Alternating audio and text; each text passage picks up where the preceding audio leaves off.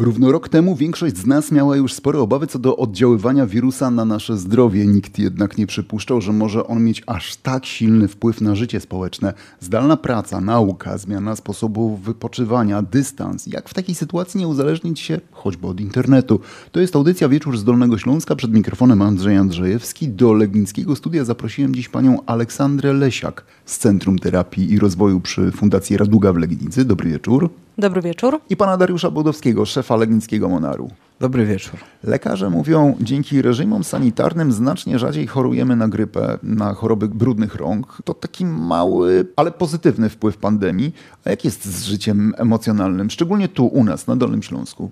Czy są pozytywy? Myślę, że tak. Jedynym pozytywem jest to, że zaczynamy coraz większą uwagę zwracać na to, jak się po prostu czujemy. Tak? Że, że okazuje się, że nasze zdrowie to nie tylko nasze ciało, nasza kondycja fizyczna, ale też zdrowie emocjonalne. No i tu już przechodzimy do negatywów, bo, bo ta kondycja psychofizyczna, jak się mówi w mojej branży, ma się niestety coraz gorzej, zarówno u dzieciaków, u młodzieży, jak i u osób dorosłych. Ulega zmęczeniu, jak kawałek metalu. To o tego typu zjawisku pani mówi? Tak, każdy z nas ma jakąś pulę zasobów, która ma nam wystarczyć, żeby radzić sobie z różnymi sytuacjami. I doświadczenie pandemii, tak długotrwałe, tak nieprzewidywalne, to, że nikt z nas nie wie, kiedy ono się skończy, to wszystko sprawia, że, że te trudne doświadczenia, stres, lęk, przemęczenie, to wszystko się nasila i po prostu mamy coraz bardziej dość. My też widzimy tutaj e, sporą różnicę jednak przez te zmiany związane z pandemią, z wprowadzaniem obostrzeń, stanu epidemiologicznego i przekłada się na wzrost niektórych problemów. Zacznijmy może najpierw od pozytywów. Czy są jakieś pozytywy? Patrząc egzystencjonalnie, ludzie bardziej zaczęli doceniać to, że zdrowie jest ważne, szczególnie starszymi osobami, tak zaczęli bardziej dbać o nich, bo boją się, że mogą ich stracić i zabezpieczać się tak, żeby ich nie zarażać i tak dalej. No to tak ogólnie mówiąc, no powiedzmy są powiedzmy jakieś takie inne wartości, to tak patrząc jakby szerzej, natomiast jakby tutaj w naszym obszarze, no to jednak no widzimy spory problem. Wzrasta ilość osób z problemem uzależnień, szczególnie behawioralnych. Mówimy tu o komputery, mówimy tutaj też o pornografii, szczególnie też wśród młodych osób. Ale co, macie większą liczbę pacjentów, większą liczbę zapytań, próśb o pomoc? Ponad 500 osób się zgłosiło mimo tej pandemii w tamtym roku 2020 i otrzymało pomoc. To więcej, to mniej niż w porównaniu z rokiem 2019? Te liczby są podobne już y, od, od kilku lat. Właściwie. Mimo obostrzeń związanych tak. z, z, reżimami sanitarnymi. Dokładnie.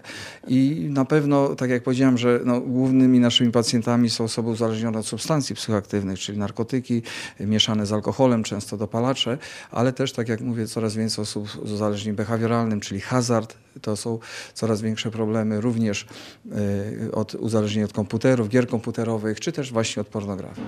Te uzależnienia od komputerów bardzo mnie interesują w dzisiejszej audycji. Przede wszystkim dlatego, że z jednej strony powinniśmy się wystrzegać siedzenia tylko i wyłącznie nad klawiaturą, ale z drugiej strony w czasach pandemii życie przeniosło się do świata wirtualnego. Ale zanim ten wątek rozwiniemy, posłuchajmy krótkiej relacji z Lubina. Tam powstał jeden z pierwszych na Dolnym Śląsku ośrodków terapii psychologicznej dla dzieci i młodzieży. Mariola Kośmider, dyrektorka placówki. Biorąc pod uwagę statystyki, około 10 do 20% dzieci i młodzieży wymaga specjalistycznego wsparcia, czy też pomocy psychologa, a w dużej grupie również pomoc psychiatry. W przypadku powiatu lubińskiego około 1700 dzieci wymaga takiej pomocy. Zdaniem Roberta Raczyńskiego, prezydenta Lubina, każda złotówka wydana na stworzenie centrum to doskonała lokata. Zyskiem są zdrowe dzieci, zdrowa rodzina. Prezentujemy projekt szpitala psychiatrycznego już prawie rok. Nie spotkaliśmy się z żadnym sprzeciwem. Przez pół roku prowadziliśmy wsparcie terapeutyczne drogą telefoniczną. To są problemy z odrzuceniem, z relacjami w grupie, ale bardzo istotną sprawą, wymagającą tak szybkiej interwencji, to są depresje, to są okaleczenia. Niestety próby samobójcze, tak wiele problemów, z którymi musi poradzić sobie dziecko lub nastolatek, często przyjmując rolę dorosłych. Naszą rolą jest to, żeby stworzyć i wdrożyć tu w Zagłębiu Miedziowym taki system wsparcia i tak skoordynować wszystkie siły, które w tej chwili w różnych miejscach są rozproszone, żeby wszelkie instytucje typu szkoła, rodzina, przychodnia, lekarz pierwszego kontaktu, pielęgniarka, organizacje pozarządowe, żeby wszystkie te instytucje działały na rzecz dziecka. Paweł Porzucki, psychoterapeuta ze Złotoryi, ma nadzieję, że dzieci w razie problemów nawet same będą potrafiły skorzystać z pomocy ośrodka w Lubinie. Czasami środowisko rodzinne nie jest wystarczająco wydolne wychowawczo, żeby rozwój dziecka wspierać, czy umożliwić mu rozwój prawidłowej osobowości. Taki młody człowiek nie jest w stanie sam ocenić, co jest prawdą, co jest nieprawdą, co jest dla mojego dobra, co jest przeciwko mnie. Ja pamiętam też i grę w klasy, i gra w pomidora. W tej chwili żyjemy w zupełnie innym świecie. Dzieci i młodzież nie chcą zawieść swoich rodziców. Dziecko gubi się, ma prawo się zagubić. Te dzieci u nas znajdą pomoc. Wracamy do studia w Legnicy. Czy takie ośrodki to jest potrzeba chwili wywołana pandemią, czy to jest norma, która powinna funkcjonować w XXI wieku? O potrzebie opieki psychiatrycznej, psychologicznej dla dzieci i młodzieży mówiono już wcześniej, przed pandemią. Wcześniej też mówiono, że jest ona niedofinansowana, że brakuje specjalistów, że dzieciaki mają problem, żeby dostać specjalistyczną pomoc.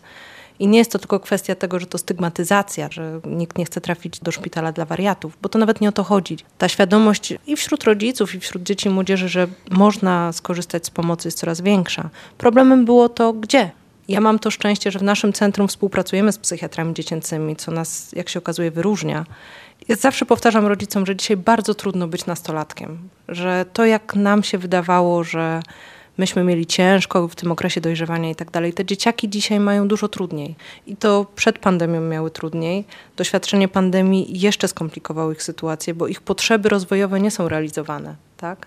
Oni są cały czas narażeni na jakieś takie różne trudne sytuacje, konflikty, przemoc w sieci, bo ten temat sieci nam się będzie dzisiaj przewijał do tej pory olbrzymi problem, bo właściwie nie było takich ośrodków, które się stricte zajmują uzależnieniami od hazardów. To może być zakupoholizm, to może być właśnie uzależnienie od e, sieci, od komputerów, od e, gier komputerowych, to może być uzależnienie od pracy czy od seksu, pornografii. I tu stawiamy kropkę, usłyszymy się za kilka minut.